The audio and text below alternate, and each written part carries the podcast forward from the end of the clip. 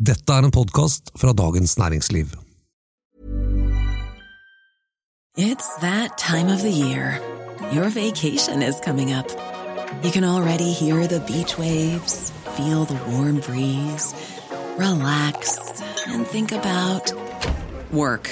You really, really want it all to work out while you're away. Monday.com gives you and the team that peace of mind. When all work is on one platform and everyone's in sync, things just flow wherever you are. Tap the banner to go to Monday.com.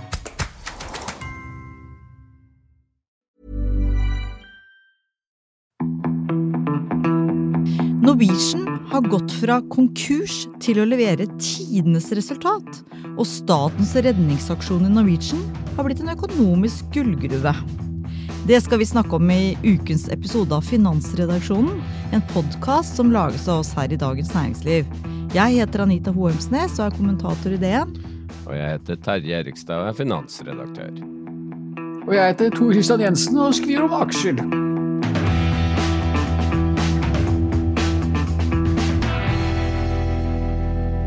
Jeg er egentlig særdeles lite begeistret for bruken av ordet reise i noen annen sammenheng enn når man faktisk skal på tur. Men når man skal beskrive flyselskapet Norwegians utvikling fra nettopp konkurs til suksess, så må det jo være lov til å si at det har vært litt av en reise, egentlig. Dette hadde jo ikke du trodd for eh, et par år siden, Tor Christian? Nei, det, det, så veldig mørkt ut for uh, selskapet. Du skal huske, husker tilbake til pandemien, og det var jo ingen reising, og det var jo fullstendig krise i eh, internasjonal luftfart. Og som du sier, eh, eh, Norwegian gikk gjennom en konkurs, og det så slettes ikke lyst ut. Men så klarte selskapet ved nesten på magisk vis å reise seg fra asken som en fugl føniks. Hvordan har det gått på børsen i år? Du, det har gått aldeles utmerket.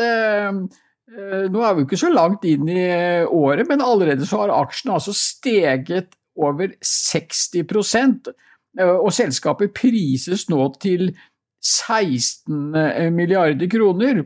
Og som vi snakket om i stad, det er jo ikke lenge siden den verdien var plenty null.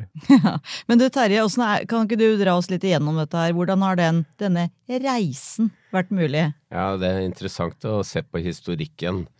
Eh, fram til slutten av 2019 så var jo eh, strategien til Bjørn Kjos, som da var eh, konsernsjef, og hans eh, medsammensvorne, eh, styrelederen som jeg nå ikke husker navnet på i farta. Bjørn Kise? Ja, ja helt Eller, riktig. Tusen takk skal du ha.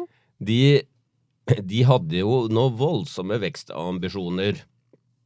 De, eh, det var ikke måte på hvor stort eh, Norwegian skulle bli. Jeg har bare sett på tallene. Eh, altså et, et, selskap som over tid skal vokse, blir gjerne et selskap som må ha mer og mer kapital fordi det koster å vokse. Og så i de årene, fra 2014 til 2020, så gikk altså selskapet med negativ kontantstrøm hvert eneste år. Og det summerer seg i de årene til ca. 33 milliarder kroner i negativ kontantstrøm. Og da er det dels Og når fordi, du sier negativ kontantstrøm, så betyr det rett og slett at de fikk ikke inn nok penger til å drive butikken? De måtte netto ha egentlig en tilførsel på 33 milliarder for å være liksom i balanse mm. etter de årene. Um, og så dette at den var så enormt negativ i den kontantstrømmen, var jo fordi man hadde store utlegg i å bygge opp flyflåten, eksempel. Så var liksom planen i 2019 at de skulle skifte fra vekst til lønnsomhet. Hm. Og Bjørn Kjos gikk av. Eh, Geir Karlsen ble midlertidig konsernsjef. Og så kom da pandemien. Og bare ser på disse dokumentene som ble laget i forbindelse med konkursbehandlingen, så står det bare sånn tørt oppsummert 10. mars 2020. Norwegian må kansellere omtrent 3000 flyvninger. og og uh, hva si temporary Midlertidig. Midlertidig si opp en del folk. Og 16. mars så står det Norwegian kansellerer 85% av planlagte flyvninger, og 7300 ansatte ble midlertidig sagt opp. Og så ble det jo konkurs. Det er liksom historikken. Men hvordan har de, Tor Christian, hvordan fra konkurs til suksess på da, ikke sant, for pandemien og det flygreiene varte i hvert fall til 21.2021. Så det er jo ikke langt hva var det, Hvordan har de havna her, da? Ja, altså, eh, Jeg tror ikke det er noe vei å komme utenom Geir Karlsen, som jo er konsernsjef, og som da Terje sa var jo finansdirektør eh, i en god periode. Han har vært veldig viktig eh, for selskapet. Og så var det klart, De har klart å, de klarte å spille veldig bra på dette at på det tidspunktet da Norwegian slet som, som aller mest, så uh, var jo problemet i Norge at Norwegian var jo et viktig flyselskap uh, for å transportere folk rundt fra alle kriker og kroker i, landet. Og vi, måtte jo ha flyselskaper, og man ville jo gjerne da ha to, Norwegian og SAS, for å få en fornuftig konkurranse. For det vet vi jo fra historikken at når SAS får råde alene, så går jo prisene rett i været. De driver da monopolprising. Eh, og så klarte man da det kunststykket å få staten til å skyte inn 3 milliarder kroner i et eh, kriselån. Eh, og staten gikk også inn med 1,2 milliarder kroner i det som var kalt for et hybridlån, altså et slags konvertibelt lån som kan gjøres om til, til uh, aksjer. Og med det på plass, og det var veldig veldig viktig, for med det på plass så kunne man da gå til private investorer hvor da John Fredriksen var den største. Man klarte å hente inn 6 milliarder kroner, og John Fredriksen og hans selskap, investeringsselskap Geveran spytta inn 800-900 millioner kroner og ble selskapets største aksjonær. Og så fikk man skrevet ned en masse gjeld, altså vi snakker 10-12 milliarder kroner i gjeld som da ble gjort om til, eh, til aksjekapital og, og, skrevet ned i, i, verdi, samtidig som da den eksisterende aksjekapitalen, altså de som da var aksjonærer før, de ble jo nesten helt utradert. De fikk 5% av det nye selskapet. Og inni denne gjengen så hørte jo da eh, Bjørn Kjos og Bjørn Kise, som var de to største eierne av selskapet, men som ble da helt utradert i denne restruktureringen eller refinansieringen av selskapet. Hadde, jeg bare spørre om én ting, Terje. Ja, ja, ja. Hadde staten ja, men jeg kan spørre deg, Hadde staten stilt opp med det lånet og de pengene, hadde det ikke vært pandemi? Nei, det hadde det ikke gjort. Det tror jeg ikke. Det, det ble ekstraordinære tiltak for uh, en rekke bransjer, og deriblant flybransjen, som Thor sa, på grunn av pandemien. Og det er klart at eh, for flyselskapene var jo pandemien helt katastrofe, fordi samfunnet ble stengt ned eh, og myndighetene tvang på en måte folk til å ikke reise. Eh, og i tillegg til det Thor fremhever i historien sin, så vil jeg fremheve en par andre punkter. Det er at det var en veldig effektiv konkursprosess. Altså, først så gikk eh, Norwegian til eh, Irland, fordi de hadde et datterselskap der, og, og, på en måte ba om å få bli satt under administrasjon, som det heter da, i Irland. Og eh, det var jo også fordi at Irland har en god konkurslovgivning. Men så uh, viser det seg også at Norge har en ganske god konkurslovgivning, for det var en midlertidig konkurslovgivning som hadde trådt i kraft på det tidspunktet, sånn at det ble en, da, en slags parallell konkursbehandling også i, i, i Norge. Og som Thor sa, så tvang den der konkurslovgivningen fram en fullstendig restrukturering av selskapet og øh, tilførsel av ny kapital. Uh, og da, da, kan du si at uh, ikke sant, Norwegian var jo ikke et det var jo ikke et selskap som i og for seg var dårlig på driften, uh, som ikke kunne si, håndtere det operasjonelle. Poenget er at da selskapet gikk inn, eller ble rammet av pandemien, så var det jo nedlesset i gjeld og hadde en hadde altfor ambisiøs sånn finansiell profil, da. Og, og nå fikk de på en måte ble jo pandemien eh, liksom gull for det nye Norwegian, fordi man Da var det jo også veldig gunstig å inngå nye avtaler om å leie fly. Eh, sånn at eh, de fikk jo særdeles gunstige vilkår, som de nå lever egentlig veldig godt på. Er du ikke enig, Tor? Ja, du, det er jeg helt enig fordi at uh, timingen her er veldig viktig for å forstå forskjellen da mot f.eks. SAS, som jo nå skal gjennom, eller uh, går gjennom den samme prosessen. Og SAS får ikke de tilsvarende gode ordninger med leasingselskapene, fordi at når Norwegian skulle refinansieres, så var det jo ikke en kjeft som ville ha de flyene. De, de leasingselskapene kunne kikke seg rundt i verden, og det var jo ingen som ville ha fly. Eh, så da fant man ut at ok, da får bare Norwegian beholde det, men til veldig eh, rabatterte priser. Og nå skal SAS, eh, SAS gå gjennom det samme. De får jo noen helt andre og høyere priser. Og det kommer til å være veldig viktig for konkurransen mellom de to selskapene. At SAS har jo alltid hatt mye høyere kostnadsnivå enn Norwegian.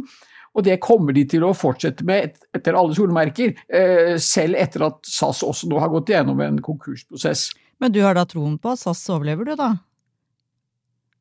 At jeg har troen på SAS overlever? Ja, det har jeg. fordi at eh, vi vet at eh, spesielt den danske stat de ser ut til å ha en utømmelig vilje til å putte penger inn i det selskapet. Og for Danmark så er SAS veldig viktig. Vi skal huske på Kastrup, eh, store flyplassen. Danmarks ære og veldig viktig for dansk infrastruktur. Og Det har vi jo sett sant, når både da Sverige og, og, og Norge etter hvert mistet veldig interessen for å fortsette å pøse penger inn i dette sorte hullet, så har Danmark fortsatt å gjøre det. Og, og så lenge Danmark var der som en sånn der last standing liksom, investor, så, så var det jo så skulle det etter alle sannsynlighet gå, gå godt for, for, eh, for, SAS. Og nå ser vi også det har jo kommet inn eh, nye aksjonærer som er villige til å gå inn i selskapet. Så SAS kommer til å overleve, men eh, det blir jo en annen form enn det det var før. Og så tenker jeg på, Du sa det, eller du skrev i en børskommentar i går, Tor Christian, du skriver børskommentarer hver dag, men i går var det Norwegian, at, at staten egentlig har muligheten til å ta en kjempegevinst i Norwegian nå. Men uh, du lurer på litt hvorfor de vegrer seg? Hva er storyen der, da? jo, altså det, det, ligger i betingelsene som, eh, som, eh, som, disse lånene og dette konvertible lånet ble, ble inngått på. For det, det, er slik at dette eh, hybridlånet som det heter, på 1,2 milliarder kroner, det kan da staten eh, konvertere til aksjer på en veldig gunstig kurs. Altså det er 9,4 eh, kroner, mens da er jo Norwegian-aksjen oppe i 17 kroner. Så det betyr jo at de får jo eh, Jeg regnet på dette, det er en rabatt på 44% som da staten, hvis de ønsker det i dag, kan gjøre om dette lånet til aksjer. Og eh, vips, så blir de plutselig selskapets største aksjonær, og større enn John Fredriksen og Geveran, da staten får da over 14 av aksjene. Men så er det slik at dette lånet det løper også med en rente. Staten får 10% rente. Og og som jeg skriver i denne børskommentaren, staten kan altså sitte og vente til, eh, til mai neste år og både få rente og fortsatt opprettholde denne muligheten til å kreve konvertering eh, av lånet. Så, så rent sånn økonomisk så skulle jo da tilsi at det, det ville lønne seg å sitte og vente og melke ut denne renten, og så kan man da på et eller annet tidspunkt Eh, velge å konvertere til aksjer. Men da er jo det store, store spørsmålet, hvis staten velger å gjøre det, hva kommer de til å gjøre med aksjene? For det er jo ikke noe som helst som tyder på at eh, staten eh, ønsker å være stor aksjonær i et flyselskap.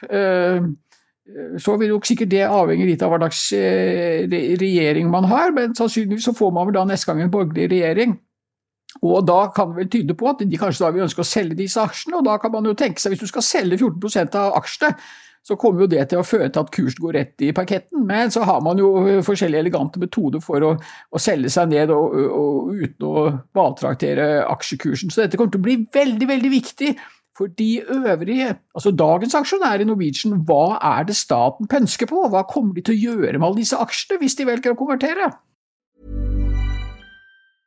A lot can happen in three years, like a chatbot may be your new best friend. But what won't change? Needing health insurance. United Healthcare Tri Term Medical Plans, underwritten by Golden Rule Insurance Company, offer flexible, budget friendly coverage that lasts nearly three years in some states. Learn more at uh1.com. Cool fact a crocodile can't stick out its tongue. Also, you can get health insurance for a month or just under a year in some states. United Healthcare short term insurance plans, underwritten by Golden Rule Insurance Company, offer flexible, budget friendly coverage for you. Learn more at uh1.com. Burrow's furniture is built for the way you live.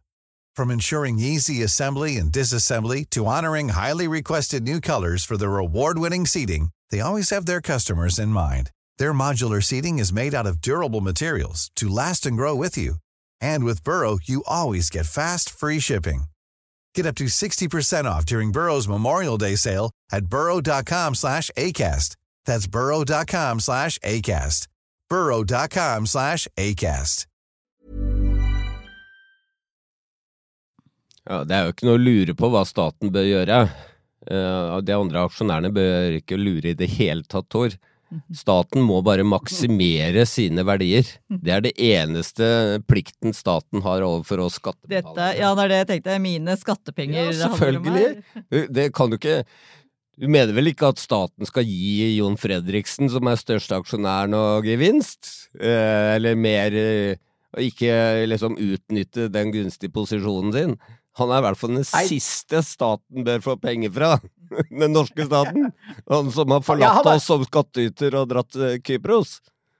Ja, helt enig. Helt enig. Nei, det er klart at uh, her må staten opptre, opptre som, uh, som en uh, Rå si, kapitalist. eh, ka- Eksakt. Eh, eksakt. Det er som Utmanøvrere Jon Fredriksen. Det er jo som musikk i mine ører. Og tenk, Fredriksen. så mye, Ja. og tenk så mye vi kan få få skrive om dersom dette skulle skje. Det, det, det ligger til. Det kan bli eh, ganske mye å skrive om, og, eh, og mye dramatikk i Norwegian fremover, men, men mest av alt, altså hvis du ser på aksjekursen, den går jo bare rett i himmel. Så hvis man tror på momentum-effektens eh, fantastiske effekter, så kan jo det tyde på at den skal fortsette. Men samtidig så er det jo nå da sånn analytikere som begynner å advare om at kursen har kanskje steget vel mye. Og så skal vi huske på at flyselskaper det er livsfarlige saker. Det er jo ekstremt volatil eh, business. Veldig kapitalkrevende, selv om vi nå da, som vi har snakket om, at Norwegian får lease sine fly til gunstige priser.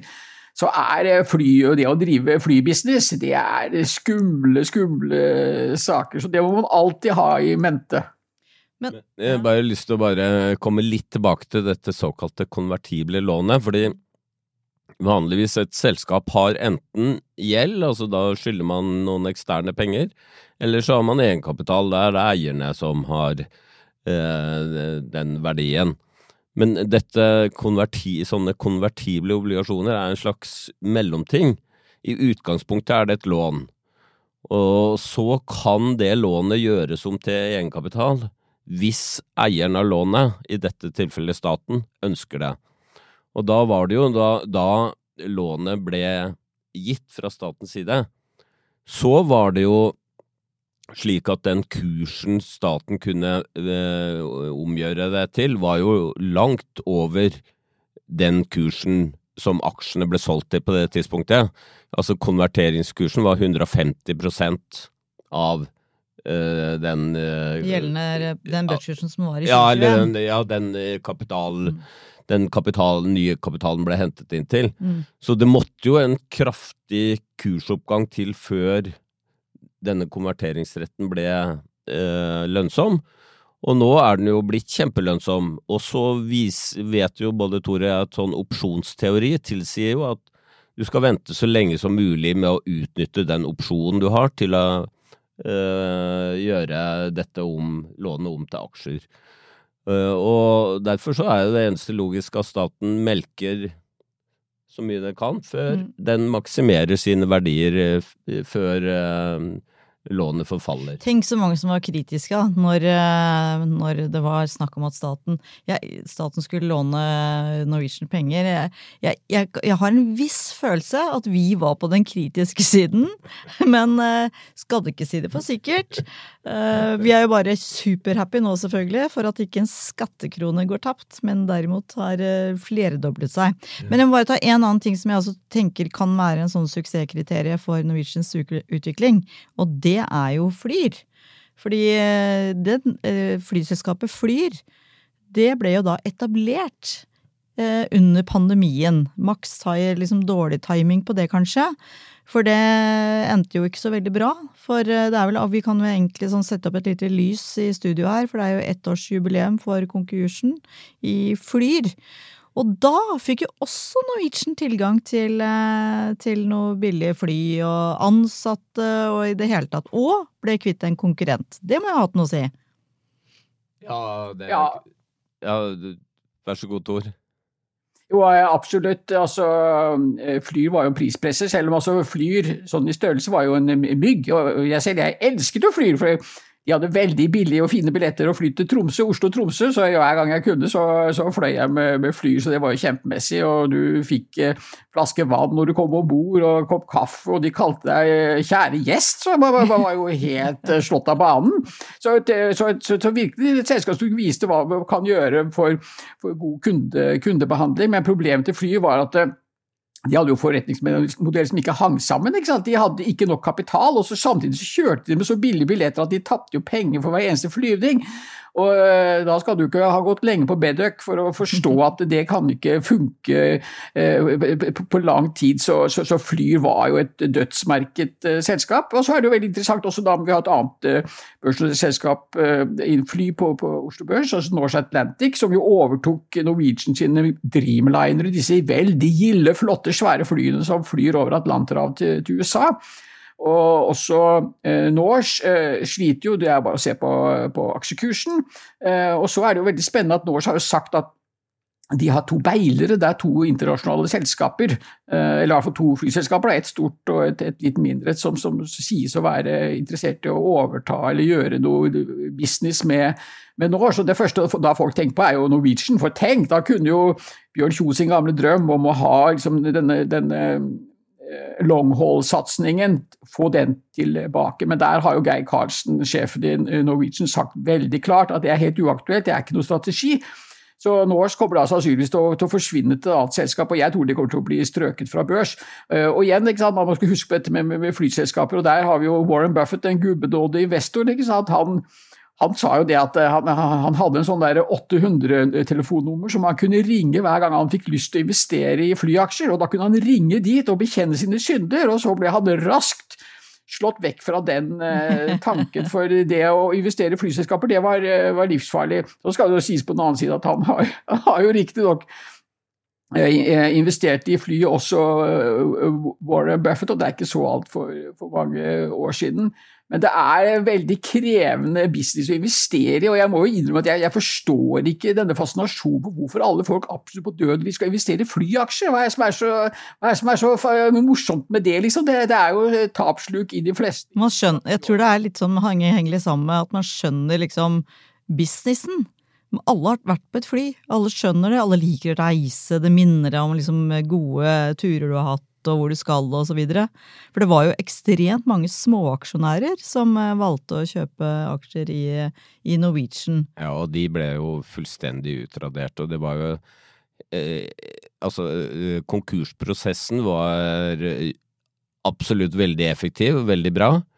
Den restruktureringsprosessen for aksjonærene var jo helt Altså, markedet skjønte jo ikke. De små aksjonærene kjøpte jo Norwegian-aksjer til syke verdier, og så ble de jo helt utradert. Det var helt Det var, det var helt Ja, det var, det var liksom Det var jo ingen logikk at du kjøpte Norwegian-aksjer som ville bli, som Thor sa, nesten utradert.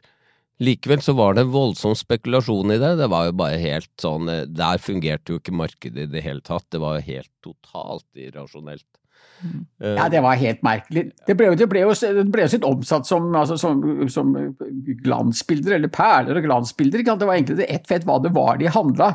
For Alle visste jo at Norwegian-aksjen var null eller meget lite verdt på det tidspunktet, men det samme så vi jo med SAS-aksjen. Rett før de gikk inn i rekonstruksjon eller i denne konkursprosessen, så ble jo SAS-aksjen priset veldig høyt. Så det er rene gale, Mathias. Ja, nei, men vi må bare advare, eller de som føler en sterk dragning mot et flyselskap, hør denne episoden først. Og alle andre vi har hatt for så vidt om flybransjen. Jeg tror vi har advart ganske kraftig hver gang, ja. ja men vi må jo komme inn på en veldig god nyhet for uh, Norwegian som vi ikke har vært inne på ennå.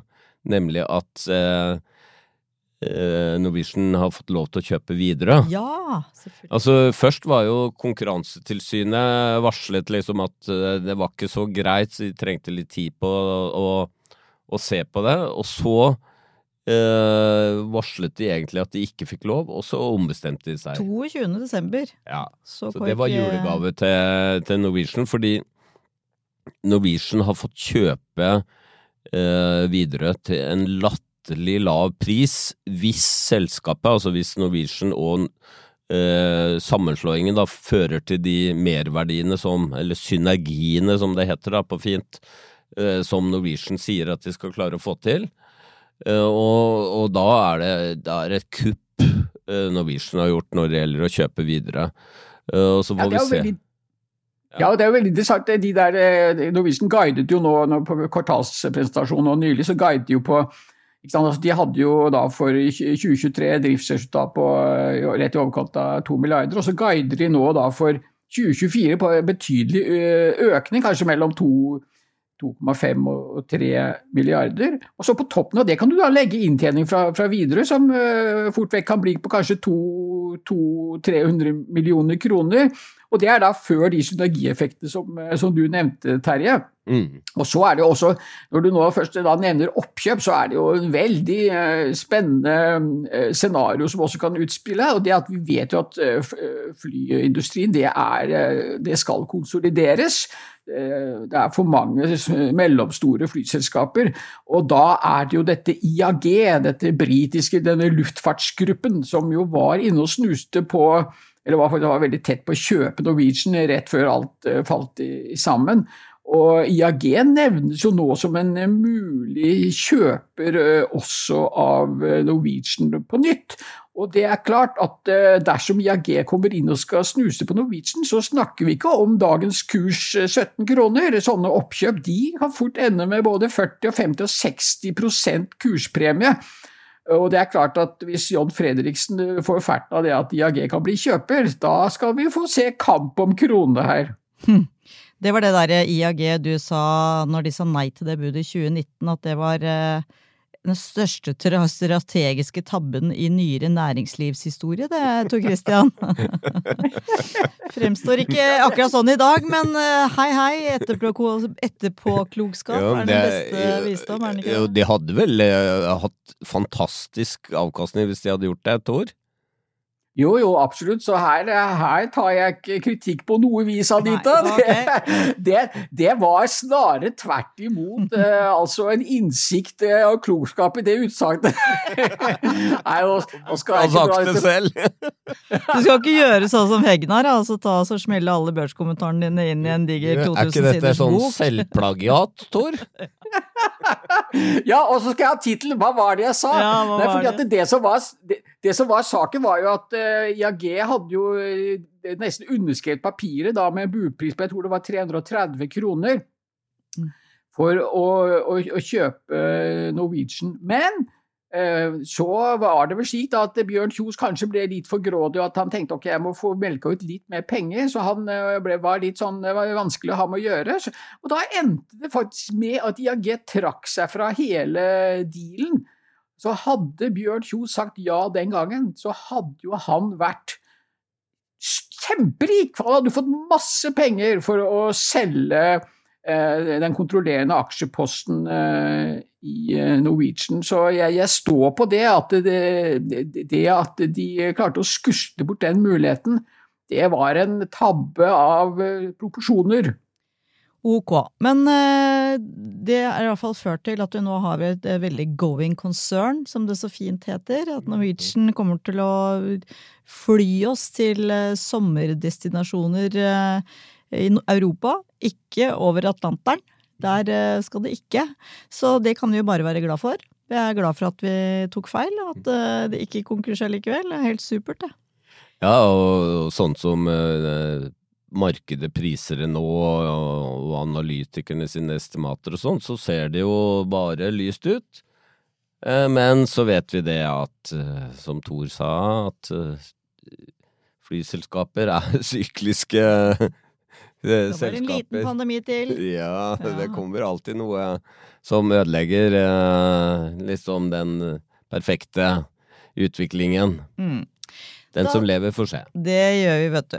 Tusen takk for at du hørte på denne podkasten. Vi kommer med en ny podkast hver uke, så hør gjerne på den, og tips venner og kjente om det.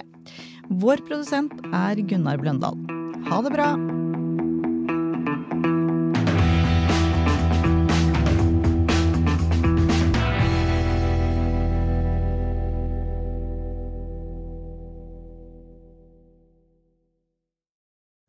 Du har nå hørt en podkast fra Dagens Næringsliv.